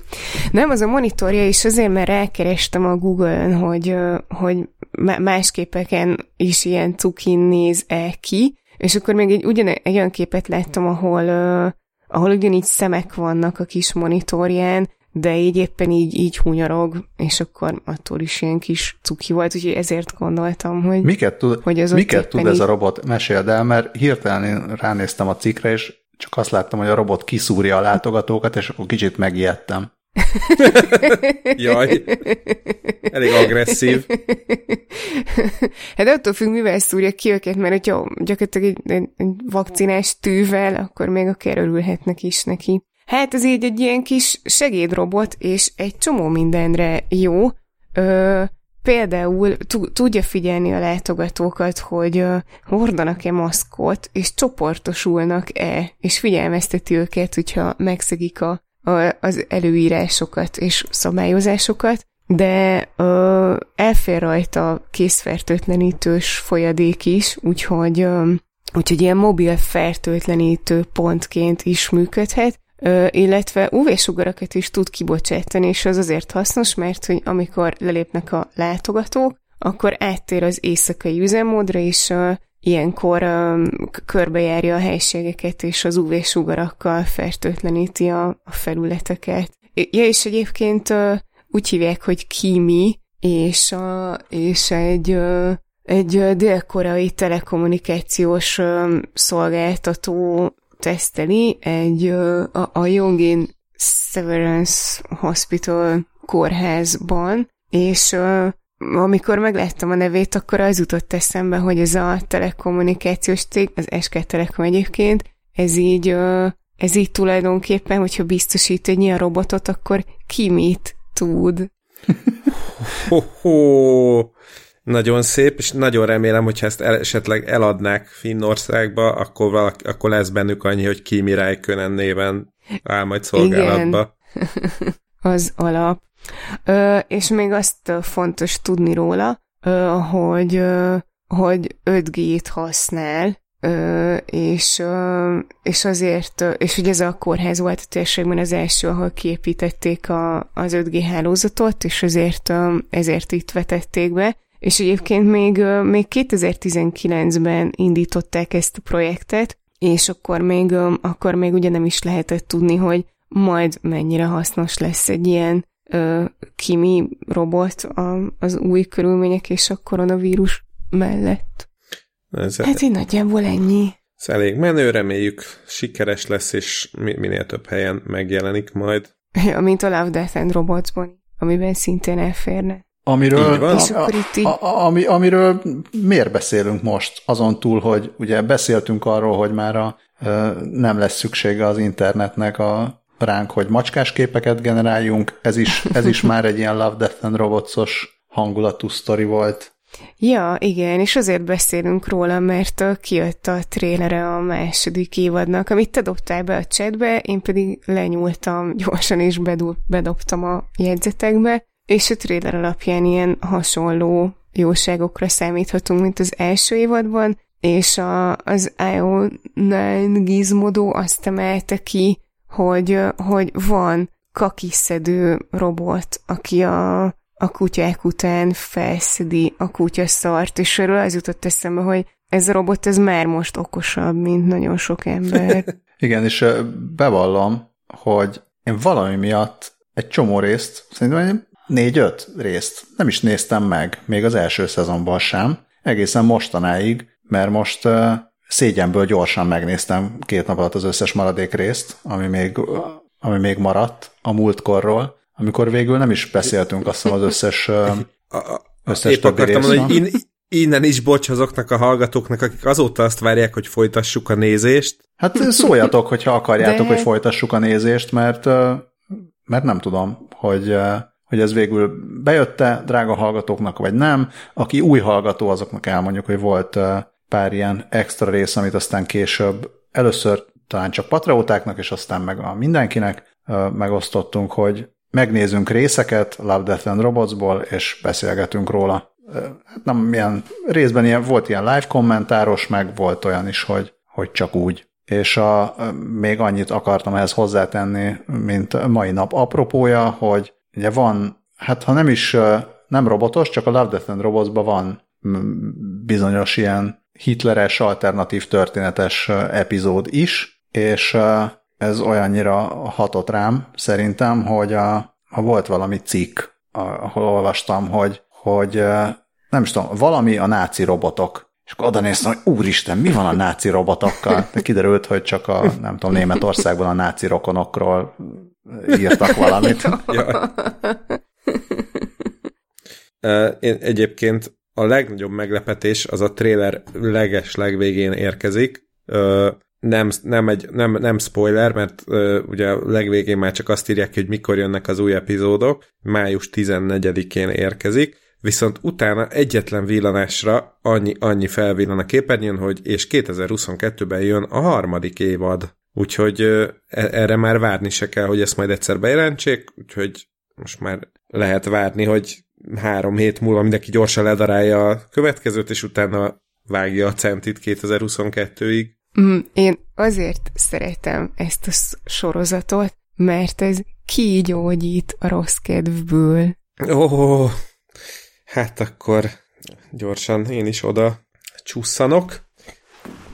Ó, nagyon szép volt. A következő hírhez, miről a Tech Explore számolt be, hogy elveszik a vízikígyók munkáját, a robotok, ugyanis a Carnegie Mellon Egyetemen kifejlesztettek egy olyan robotot, ami ilyen vízikígyó módjára képes úszva közlekedni a vízben, ami csak azért jó, mert ezzel egy csomó hajókat, tengeralattjárókat, vagy bármilyen víz alatti infrastruktúrát meg lehet vizsgálni, hogy megsérült-e, vagy szükség van-e karbantartásra. Egyébként úgy hívják ezt a kis jószágot, hogy Hardened Underwater Modular Robot Snake, vagy HUMRS, amit egészségedre. Köszönöm szépen. Múlt hónapban tesztelték a, az egyetem biorobotikai laboratóriumában, annak is a úszómedencében, ahol víz alatti karikákon kellett átmanőverezni vele, vagy át kellett átmanőverezni, hogy demonstrálja, hogy milyen precízen és zöggenőmentesen tud így közlekedni, és azt mondta Howie Chozet, az egyetem egyik professzora, hogy ezzel a robottal olyan helyekre is el lehet jutni, ahol más robotok nem képesek, tehát egy, ugye egyrészt víz alatt, másrészt meg ö, olyan helyekre, ahova így be kellene, ö, ahova be, ke, be tud kígyó, kígyózni ez a kis robot. Ö, nagyon röviden ennyit lehet tudni róla, meg annyit, hogy a ö, amerikai védelmi minisztérium ö, egyik projektjéhez ö, fejlesztették segítségként, de igen, e, ezekről a dolgok, tehát ez a hajók, tengeralattjárók és más dolgok ellenőrzésére, karbantartására, É, az, azért érdekes ez még, mert én azon gondolkodtam, hogy most mit kellett ezen annyit fejleszteni, hát miért nem küldenek oda egy ilyen kis távirányítós kamerás kishajót, amit meg lehet venni kb. a játékboltba, azt jó napot, de a, igen, azt írják, hogy azért a katonai, vagyis hát haditengerészeti járműveknél azért nem olyan egyszerű ez a dolog.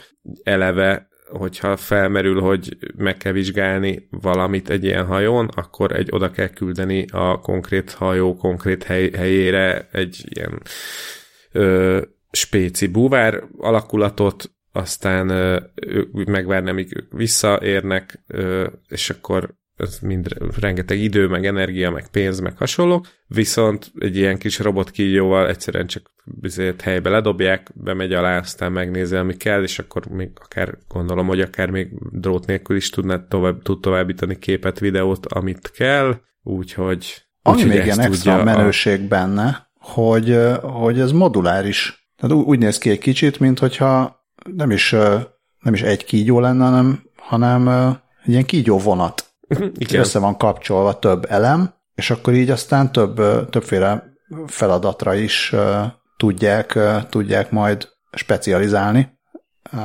Attól függően majd, hogy mi kell, gondolom, hogy rácsatolják a fő egységre a különböző egyéb modulokat, és akkor, akkor ott beindítják a vízbe. Igen, és úgy néz ki, mintha ilyen processzorhűtő ventilátorok lennének rajta, gondolom azzal irányítják a víz alatt, de tényleg nagyon jó pofán néz ki, hogy egy kis blokkok így egymáshoz kapcsolódnak. Szerintem az hangzott tökre menőn, hogy olyan helyekre el tud jutni, ahova más robotok ö, még soha. Az kicsit ilyen Star Igen, igen kicsit Star trek kicsit ilyen dicsekvős. Az én robotom olyan helyre is elmegy, ha tiéd nem az robotom modulárisabb. Igen. Uh, az én macskám meg éhesebb, úgyhogy kiszaladok, adok neki ilyen mindjárt Amíg Scully cica szünetem van, addig gyorsan beszéljünk a világ legfehérebb festékéről, vagy várjuk meg Scully-t? Kihagynád scully a világ legfehérebb festékéből? Hát nem. Egyébként abszolút megvárhatjuk, csak nem, mondtam, addig is beszélek, de... E, e, igen. A, amíg Scully cicát etett, addig elmondjuk, hogy létrehozták a világ eddigi legfehérebb festékét, a, ami a napfény 98%-át visszaveri, és uh, még az infravörös fényt is uh, visszaveri, és minden fényt visszaver, ami csak létezik, legalábbis a nagy részét, uh, ami, ami tök jó, lehet majd nagyon fehér dolgokat csinálni, viszont állítólag arra is jó, hogy a globális felmelegedés ellen, vagy hát azt, azt lassítsa. Ugye használták, egy pillanat muszáj szólnom a gyerekeknek, hogy ne üvöltözzenek annyira hangosan. Gyerekek! Gyerekek, ne üvöltözzetek annyira hangosan, létszi! Sőt, sokkal halkabban. Na. szóval... Családi perceinket hallották. Igen. Kéne egy olyan festék, ami a másik szobából jövő kiabálásokat. De hogyha suttogva kiabálsz, az is hallatszik ám. Jaj. Szóval... Elnézést. Szóval kéne egy olyan festék is, ami hangot is visszaveri. Oh. Majd szóljanak, ha van ilyen. Szóval igen, fehér festéket azt használták, hanem is hűtésre, de a kevésbé melegítésre évszázadok óta. Ugye fehérre, fehérre fest a meleg vidékeken, fehérre festették a, a háztetőket, hogy kevésbé melegedjenek fel a házak, és bár a fehér festék az sokkal jobb, mint a, mint a sötét festék, a, arra, hogy a napfényt, meg ugye a felmelegítőt, tehát az infravörös fényt visszaverje, de ezek is csak egy olyan 80-90 százalékát verik vissza a napfénynek, és az UV-fényt pedig elnyelik, ami azt jelenti, hogy, hogy aktívan nem tudnak hűteni. Tehát csak azt, azt eredményezik, hogy kevésbé melegszik fel a felület. Viszont az új festék az, az erre is képes, tehát így aztán kevesebb klímaszabályozásra is lesz szükség az épületekben, nem kell, nem kell annyi légkondit használni, és így csökkenhet a széndiokszid kibocsátás is. Állítólag akár két éven belül már a piacon is lehet ez az, ez az új festék. Azt írják, hogy három, három összetevője van annak, hogy ez, ez miért ennyire jó hűtő hatású. Az egyik, hogy a pigmentként nem a fehér festékeknél szokásosan használt titánium vagy titándioxidot használják, hanem bárium szulfátot, ami, uh-huh. ami nem nyeli el az UV-fényt, azután sok, a szokásosnál sokkal nagyobb koncentrátumban használták a pigmentet, és a harmadik pedig, hogy a, a pigment, tehát a, a színező anyag részecskéinek a méretét is variálták. Tehát az, hogy, az hogy mennyi fényt ver vissza, vagy, vagy szór a, a festék, vagy a, a részecske, az a méretétől függ, és ezért, hogyha többféle méretű festék részecskét használnak, akkor a, a spektrum nagyobb részét verik vissza. És így több mint száz különböző anyagot, és mindegyik, mindegyiknél több mint 50 féle ilyen formulát teszteltek, és így, így jutottak el ehhez a, a napfény 98%-át visszaverő fehér festékhez. És akkor itt írják, hogy a, az előző világ legfehérebb festéke, az, az csak a napfény 95,5%-át verte vissza, annál egyébként kalciumkarbonátot, vagyis krétát használtak ö, pigmentnek. Igen, ami, ami még tudom, vannak ilyen kis érdekes apróságok, hogy, hogy állítólag az ára az új festéknek az nem lenne magasabb, mint a korábbi fehér festékeknek, mert hogy a titándioxidnál olcsóbb a, a, uh-huh. ez a bárium szulfát. A másik, hogy még amit tesztelni kell, az a, az a hosszú távú, az a tartósága a, a festéknek, gondolom hát pláne az ilyen kültéri tartóság, mert egyelőre a Jaj, de jó lenne nagyon gyorsan tudni, hogy az abrasion, tehát a mennyire kopá, a kopás állóságát uh-huh. tesztelték talán. Hát így, mondjuk, aha. De, de hát gondolom, még azt nem tudták megnézni, milyen az, amikor három hétig esik rá az eső, vagy ilyesmi. Igen, de hát azért bízunk benne, hogy valami, ha, ha az nem is, de akkor találnak még valami jobb bevonatot rá, amivel ez is megoldhatóvá válik. Én az, azért vagyok szomorú, hogy nem találtak ki még ennek valami olyan menő nevet, mint amilyen a Vanta Black, de hát csak so, sor kerül majd erre is. Vanta White. Az se, Vanta White, igen. Az se rossz. Van egy, egy brit tudós, aki, aki a Sheffieldi Egyetemen a fenntartható burkolóanyagok terén dolgozik, és azt mondta, hogy, hogy, hogy szerintem tök jó a, tehát maga, maga a, a tudomány a kutatásban az teljesen jó, és nagyon, nagyon izgalmas ez az elv, de hogy lehetnek logisztikai problémák, gondolom, amikor, amikor skálázzák, tehát hogyha nagy mennyiségben kellene ez a bárium szulfát, akkor mennyit lehet ebből előállítani. A másik pedig, jaj, de aranyos, most a cica nyávog, az se rossz. hogy, Laci, a tüske nincs. hogy bizonyos, bizonyos klímákban a zöld tetők azok, azok azért fenntarthatóbbak lennének. Tehát, hogyha ha növényel borítod a tetőt, akkor valószínűleg a, a karbon egyensúly az, az jobb, mint hogyha több millió tonna báriumszulfátot meg egyéb kémiai anyagokat nyomsz a tetőre. Hát igen, gondolom, majd ennek lesz ilyen egy-két speckó alkalmazási területen, nem tudom, lehet, hogy űrkutatásban vagy ilyesmiben. Amúgy egyébként én nagyon támogatnám a tegyünk növényeket, meg fákat a háztetőkre, mozgalmat. És fehér növényeket. még egy még icipici apróság, hogy felmerül a kérdés, hogy az ennyire fehér festék az vajon nem fog-e azonnal megvakítani mindenkit, aki csak ránéz, de nem, ugyanis ugye azáltal, hogy, hogy van ez az ilyen változó részecske méret, ezáltal össze-vissza szórja a fényt, tehát nem csak egy, egy helyre veri vissza. Ezt, ezt állítják, uh-huh. hogy tehát nem fog fájni tőle a szemed. Az is jó hangzik. Ezt állítják. Aztán, hogyha kiderül, hogy nem igaz, akkor lehet majd hívni, úgyhogy Hanta White. Oh, oh, oh. Gyönyörű. Haverok, buli, Hanta. Na hát keresve Na, cica jól lakott? volna jobb nevet ennek. De a cica miért nyávogott? Azért, mert jól lakott, hogy kér még, vagy ez ilyen köszönet nyilvánításként, vagy akkor most játszani kell vele, vagy mi vagy ez most? Ez mind, mind, mind együtt, Ö, hát ez egyik, hogy, hogy így megkérdezte, hogy van-e még, biztos nincs, biztos nincs, ö, és a másik, hogy ő valamiért így a kaja után szeret játszani, úgyhogy most így a biztos nincs, biztos nincs után az volt, hogy jó, és játék. Úgyhogy én most itt közben egy ilyen cica horgászbotot lóbálok a, a kezemmel. Tehát túlszul ejtett a macskát, be, lássuk be, vagy jelen, jelentsük ki.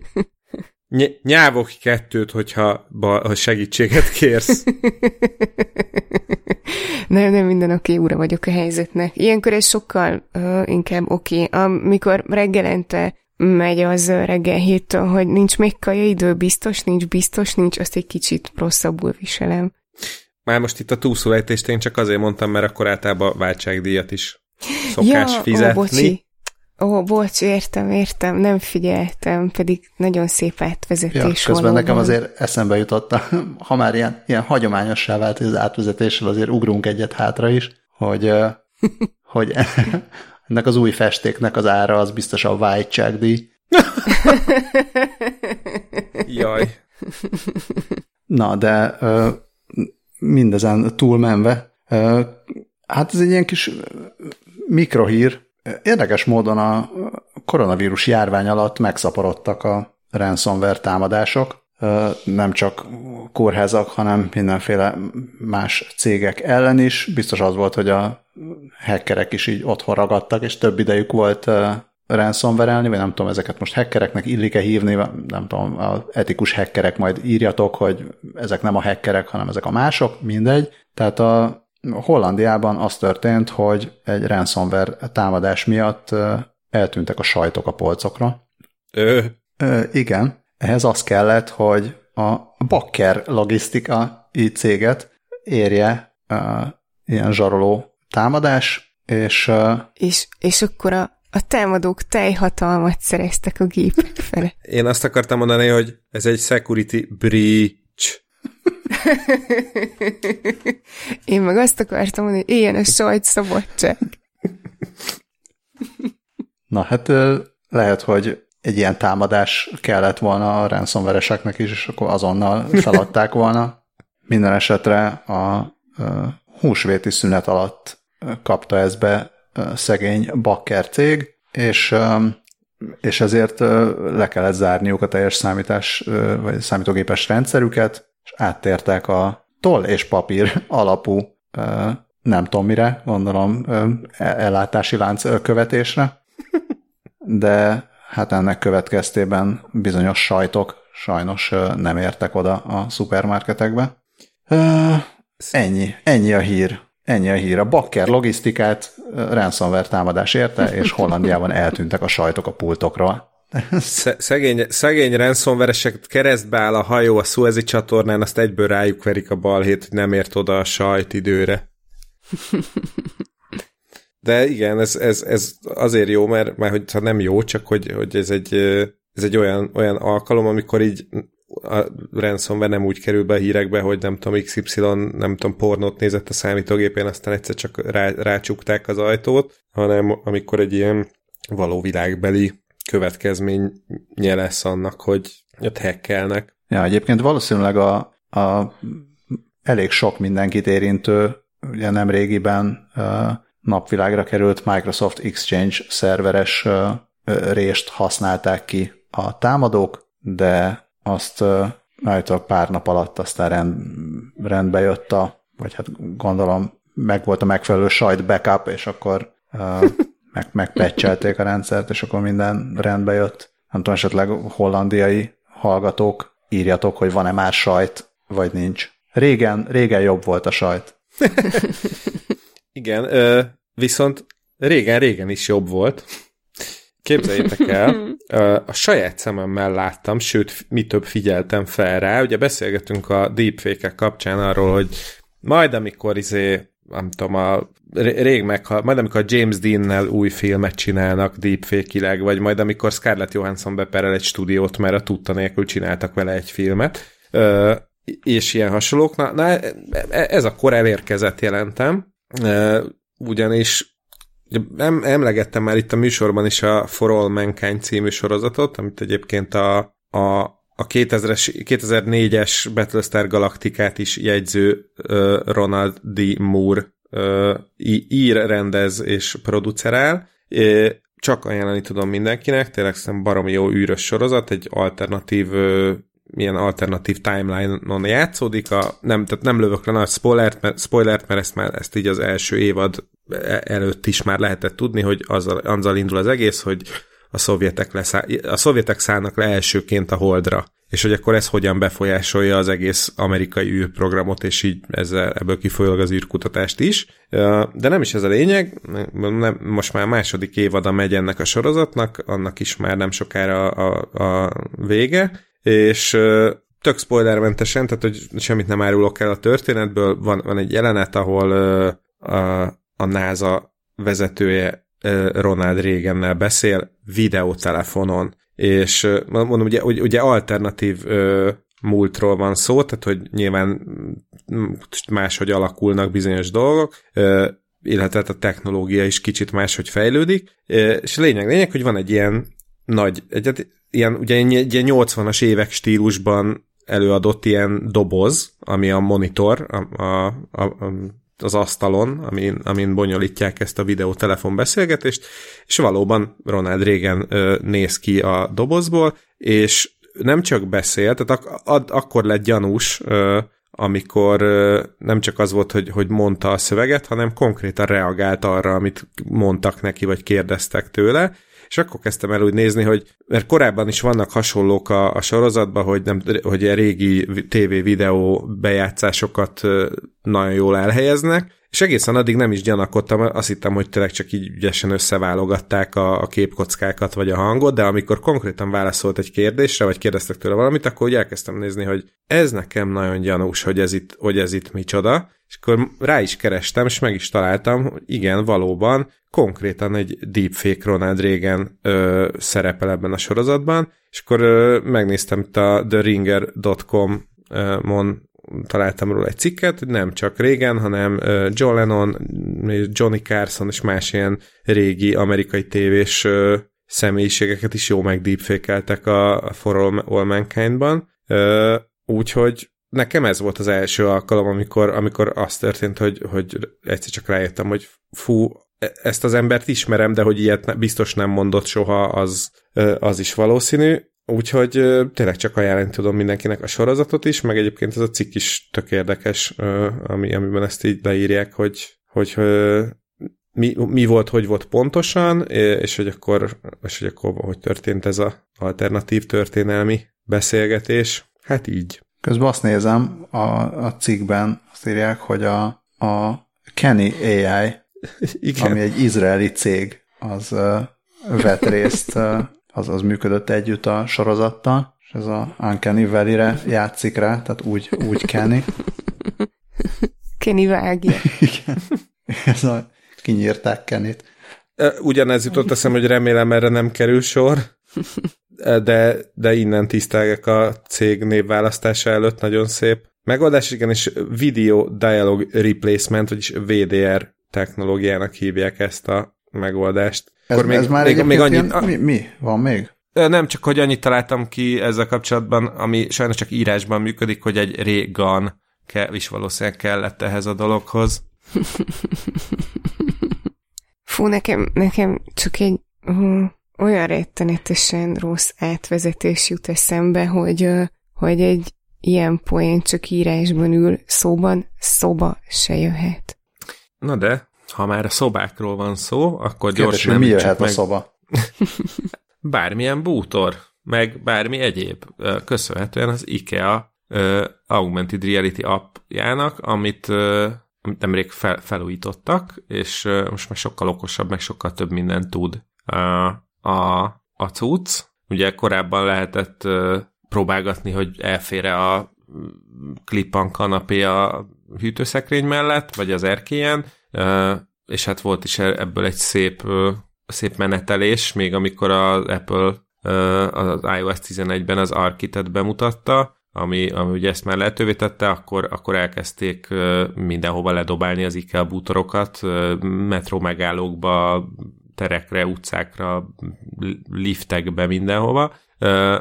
Na és akkor most, most azért ahhoz képest látszik, hogy mennyivel, mennyivel fejlettebb lett az új cucc, mert itt olyanokat lehet próbálgatni, hogy, hogy tényleg az egész szobát meg, meg lehet meg lehet benne tervezni, akár egy alaprajz alapján, de akár úgy is, hogy körbenézel a kamerával, meg, és akkor érzékeli, hogy hol vannak most a bútoraid, és akkor aztán ezt neki játsz ilyen, ilyen 2D, 3D AR-ben variálni, de olyan szintig, hogy, hogy fellekapcsolgathatod a lámpákat, megnézheted, hogy akkor milyenek lesznek a fények, kicserélheted a fal színét, tehát hogy te gyakorlatilag, a, mint amikor a Sims-be építesz egy, egy házat, na azt tudod most megcsinálni már saját lakásodban is. Hát egyre még te nem tudod megcsinálni, hanem a, azok az Apple userek tudják megcsinálni, akik feliratkoznak az Open Beta-ra ebben a, az új, vagy ehhez az új applikációhoz. Igen, viszont,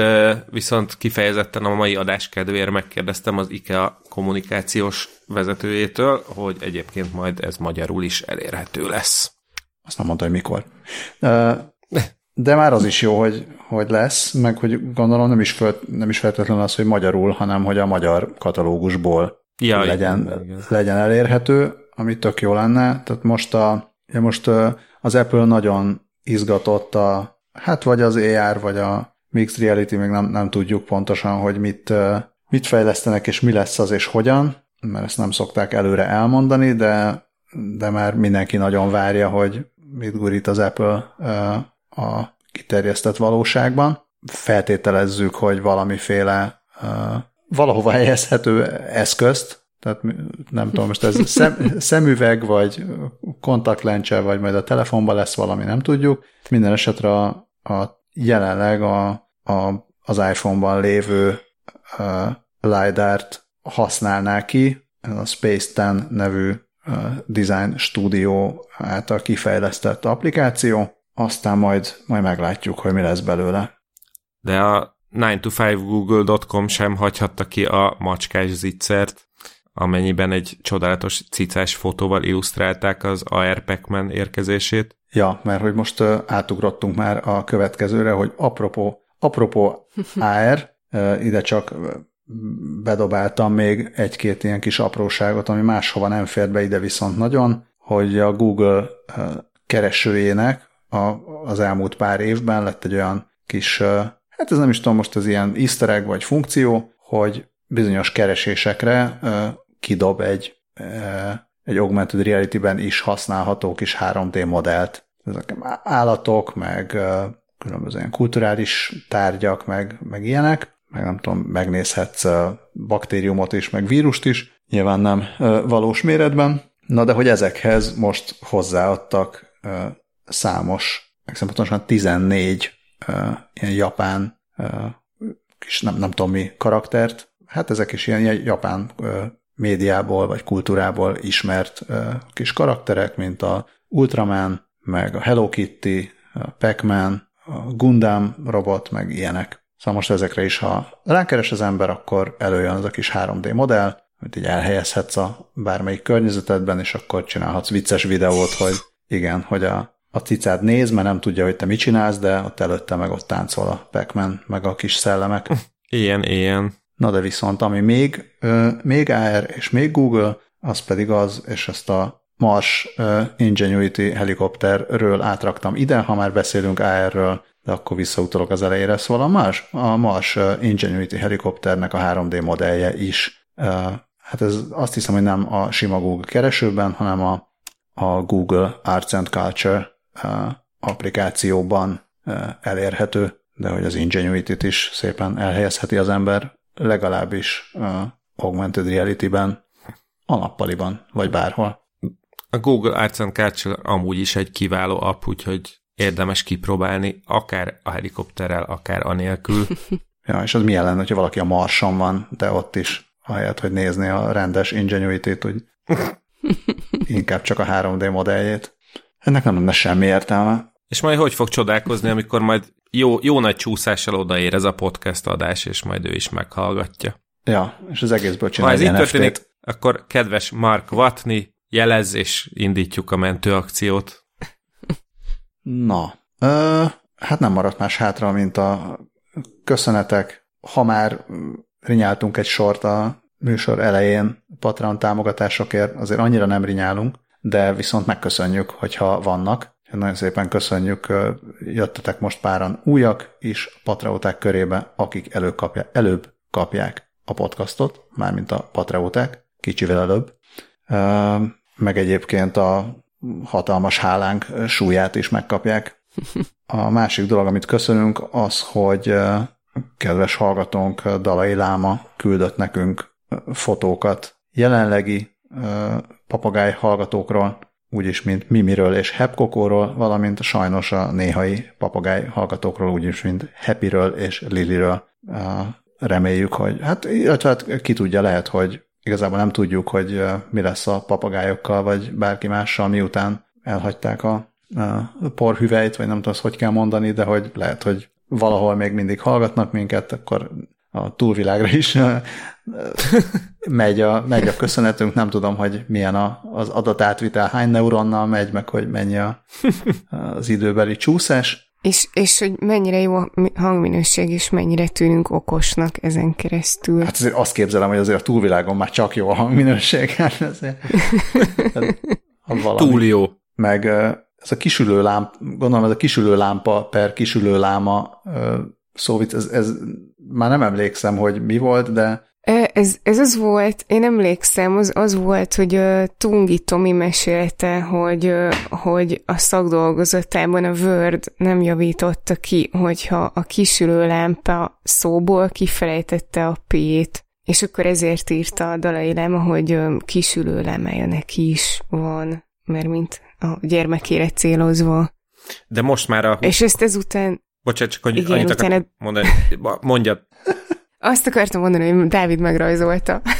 igen, csak annyi, igen, annyit akartam mondani, hogy most már a 20 perccel a jövőbének is van saját kis ülőlámája. Igen, amit viszont a Nagyon szép hírlevélre feliratkozók fognak látni, vagy már hírlevélre feliratkozottak, mert Dávid Photoshop művészetét abban osztjuk meg a hallgató és olvasósággal. Ezek voltak erre az A7-re. Úgyhogy drága hallgatók, nagyon szépen köszönünk nektek mindent, vigyázzatok a Facebookkal, hallgassatok podcastot máshol, és vigyázzatok a kisülő lámákkal. Szerbusztok! A kisülő lemek is máshol hallgassák a podcastot. Sziasztok! Hello!